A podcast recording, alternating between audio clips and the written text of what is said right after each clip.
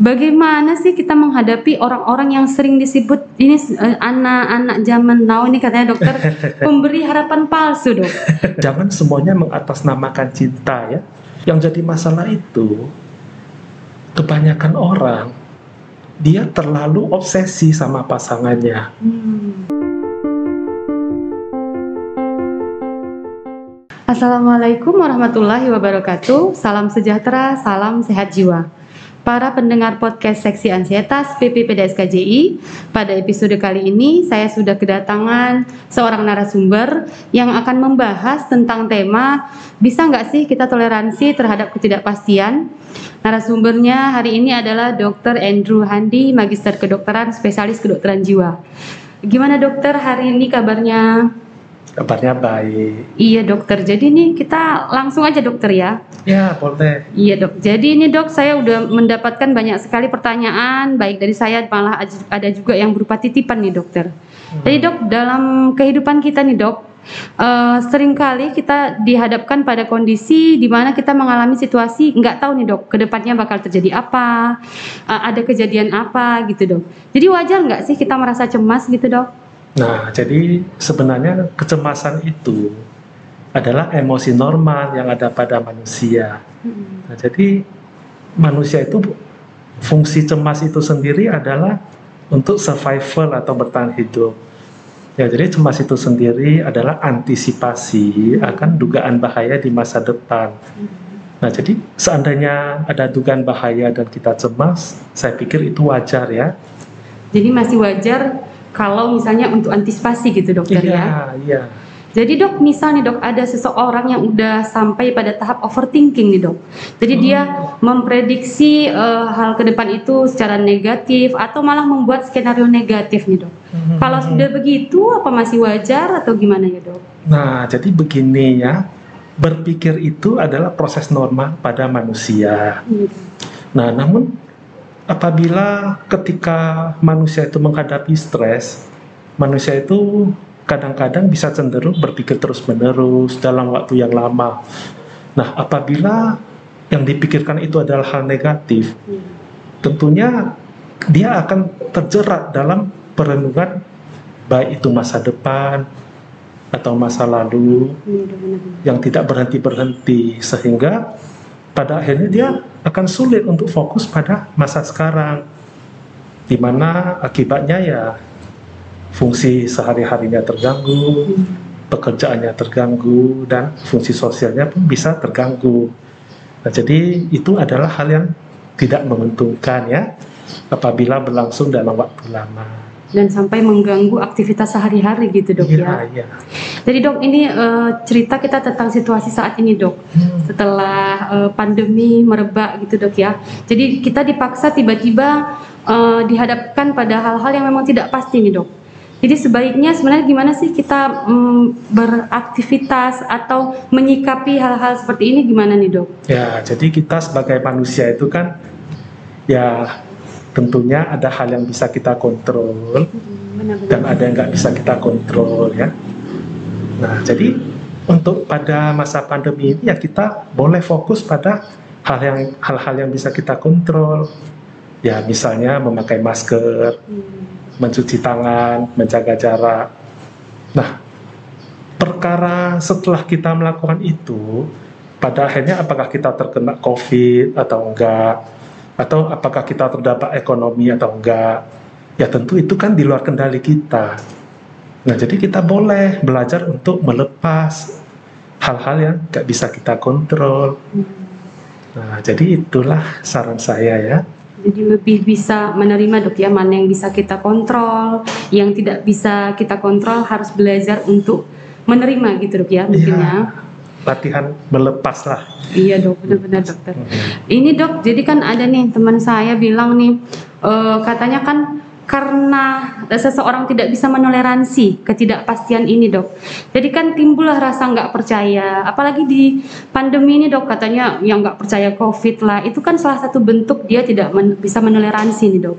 Uh, kemudian timbul rasa uh, kecewa gitu dok. Jadi untuk mengatasi perasaan itu itu gimana ya dokter? Ya, jadi kembali lagi ke tadi ya. Mm-hmm. Jadi otak manusia itu tentu unik ya. Iya dok. Nah jadi ketika kita selalu fokus pada hal yang nggak bisa kita kontrol, mm-hmm. kita bisa analogikan seperti kita berenang melawan arus Nah, jadi kita akan berusaha terus, namun akan gagal terus, dan kita akan menjadi frustasi. Nah, apabila itu berlangsung terus menerus, misalnya kita ingin mengontrol sesuatu yang nggak bisa kita kontrol, maka otak akan belajar bahwa apa yang kita lakukan itu banyak yang gagal. Ya, tentu pada akhirnya itu kita akan menjadi kurang percaya diri, tidak iya. yakin, ya. Nah, jadi ya supaya nggak seperti itu ya saran saya kita fokus saja sama apa yang bisa kita kontrol. Nah, pada akhirnya kan otak akan belajar. Misalnya kita menggunakan masker. Hmm. Ya, saya berhasil menggunakan masker. Menjaga jarak, saya berhasil menjaga jarak. Misalnya konsumsi vitamin, saya berhasil mengkonsumsi vitamin. Ya, pada akhirnya otak akan belajar bahwa apa yang kita lakukan itu ya kok semuanya berhasil. Nah, pada akhirnya akan timbul rasa keyakinan. Jadi intinya dok jangan berlarut pada hal yang memang belum pasti itu ya, ya dokter. Kita harus ya? menerima bahwa banyak hal yang tidak bisa, bisa kita kontrol. Tidak bisa kita kontrol dok. Benar sekali dok. Jadi ini dokter uh, ada nggak hubungannya nih dok kecerdasan emosi untuk membantu kita menghadapi yang namanya ketidakpastian ini dok? Nah jadi gini ya. Nah kecerdasan emosi itu kan adalah kemampuan kita untuk mengenali emosi kita hmm. ataupun emosi orang. Dan bagaimana cara kita mengelola emosi kita kan? Hmm. nah jadi orang yang cerdas secara emosional itu tidak menjat sesuatu itu dari hal baik atau buruk ya. Tapi dia lebih melihatnya pada suatu penegasan dari hubungan sebab akibat artinya banyak hal di dunia ini yang merupakan proses alami yang memang banyak yang di luar kendali kita. Sehingga biasa orang yang cerdas secara emosional itu tidak ada berusaha untuk fokus untuk mengontrol hal yang memang gak bisa dikontrol. Nah, jadi sehingga dia akan selalu bisa tenang walaupun menghadapi badai emosi. Jadi dok, eh, yang dokter maksud dengan badai emosi atau perasaan yang muncul kan salah satunya itu marah dan sedih nih dok marah dan sedih untuk menghadapi ketidakpastian nih dok. Gimana sih bagusnya kita dok untuk mengelola emosi-emosi negatif ini dok gitu dok? Jadi begini ya, uh, sebenarnya sangat banyak ya literatur tentang cara mengelola emosi. Iya, Namun akhir-akhir ini saya melihat ada istilah mindfulness ya. Iya benar-benar. Nah, jadi gini, secara sederhana mindfulness ini adalah kerelaan untuk memperhatikan masa sekarang tanpa menghakiminya. Nah, apa artinya? Bagaimana kita menerapkan mindfulness ketika kita sedih dan kita marah? Ya, kalau dari sudut pandang mindfulness, cara mengelolanya ya kita boleh merasakannya karena itu terjadi di masa sekarang. Nah, jadi kita boleh coba tutup mata, rasakan kumpulan emosi yang muncul ketika ada rasa marah, rasa sedih, ya mungkin ada perasaan debar, ada sesak, ada kedutan, atau ada rasa panas, ya kita rasakan dari waktu ke waktu tanpa kita hakimi. Nah, ketika kita sudah mengenali emosi kita, nanti pelan-pelan emosi tersebut akan mulai kehilangan kekuatannya untuk mempengaruhi kita. Nah, misalnya kita sedih nih, ya kita boleh menangis ya. Hmm. Nah, jadi itu suatu bentuk mengelola emosi. Jadi jangan sepenuhnya ditolak gitu dok ya, malah kita coba untuk menerima untuk gimana dok mengelola Jadi, sendiri gitu dok. Saya ingin mengklarifikasi sedikit ya. Iya. Nah ini banyak orang yang salah paham tentang arti menerima ya. Iya benar. Ya, jadi kadang-kadang saya pernah jumpa pasien, saya bilang menerima cemas ya kan, hmm. menerima depresi. Ya, benar, ya, jadi sebenarnya menerima itu bukan berarti kita menyerah pada nasib buruk. Hmm. iya. Nah, sebenarnya menerima itu artinya kita kenali apa yang terjadi tanpa kita hakimi. Nah, itulah arti dari menerima. Nah, tentu saja ketika sesuatu terjadi, misalnya ketika orang cemas, kita suruh terima, berarti dia dia boleh mencoba untuk fokus dulu apa yang dia bisa kontrol, misalnya makan obat sesuai anjuran psikiater. Perkara nanti perubahannya seperti apa kan itu sudah di luar kontrol dia kan.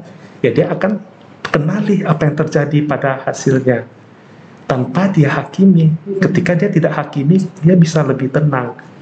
Jadi walaupun dia cemas, dia tidak sampai menderita. Tidak sampai mengganggu kehidupannya sehari-hari gitu dok ya. Iya. Berarti kata-kata yang lebih cocok itu mungkin berdamai gitu dok ya. Ya, ya, Berdamai boleh. dengan keadaan gitu dok. mungkin boleh, ya. boleh. Ah, jadi dok, eh, berarti seberapa jauh sih kita bisa menoleransi ketidakpastian ini dok gitu? Tentu saja pada setiap orang berbeda-beda ya. Iya benar-benar. Nah, saya boleh berikan analogi ya. Boleh dok, boleh. Nah, jadi misalnya ada besi 50 kg ya. Tidak semua orang sanggup mengangkatnya. Iya benar-benar. Kenapa? Karena otot latihan otot semua orang kan berbeda-beda kan. Tidak sama dok. Ya, Nah, begitu juga dengan emosional kita.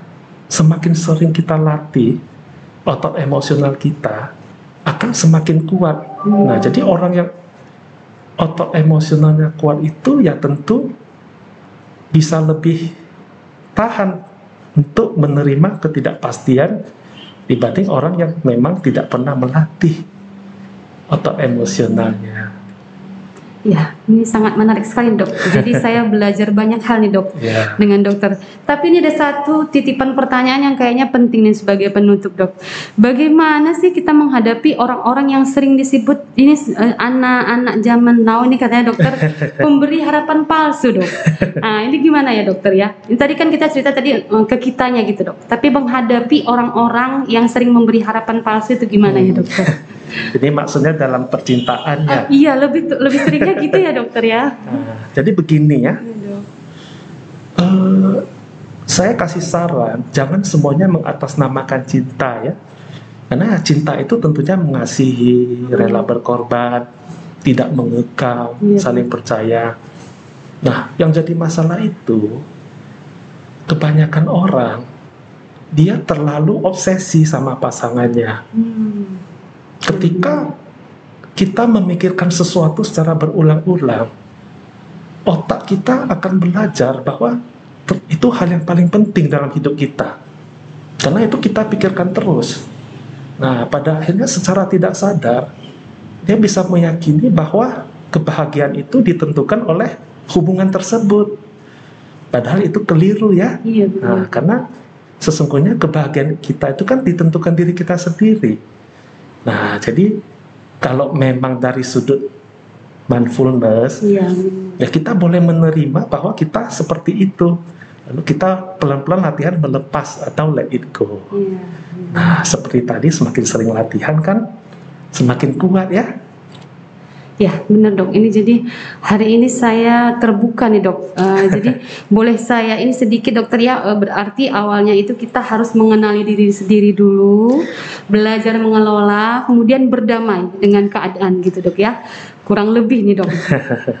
ya jadi dok, eh, saya sangat tertarik dengan eh, mindfulness. Jadi saya udah sering banget nih de- dengar atau di Instagram para artis nih katanya dokter selebgram banyak nih menggencarkan tentang mindfulness. Jadi karena kita ada keterbatasan waktu nih dok. Hmm. Kalau misalnya nanti ada saya atau kerabat keluarga ini dok mau eh, konsultasi lebih lanjut nih dok, ke mana ya dokter menjumpai dokter Andrew ini? Ya, saya salah satu tempat praktik saya di klinik utama Bina Atma. Oh iya dok. Mm-mm. Ya, saya prakteknya hari Jumat Sabtu jam Hari 10 Sabtu. sampai jam 12. Kalau di tempat lain di Rumah Sakit Imelda ya, Iya, benar. Senin Rabu Jumat pukul 14 sampai 16. Jadi bisa dijumpai di Rumah Sakit Imelda dan klinik utamanya Bina Atma dok ya. Iya. Jadi dok, eh, terima kasih sekali hari ini sudah meluangkan waktunya, Eh, walaupun singkat tapi sangat bermanfaat. Insya Allah banyak yang bisa dipelajari pada perbincangan singkat kita pada hari ini. Jadi saya mengucapkan terima kasih dokter sekali lagi sudah datang ke podcast kita. Eh, terima kasih juga kepada seluruh pendengar. Kita berjumpa lagi di lain waktu. Salam sehat jiwa, tiada kesehatan tanpa kesehatan jiwa. Wabillahi taufik wa hidayah. Assalamualaikum warahmatullahi wabarakatuh.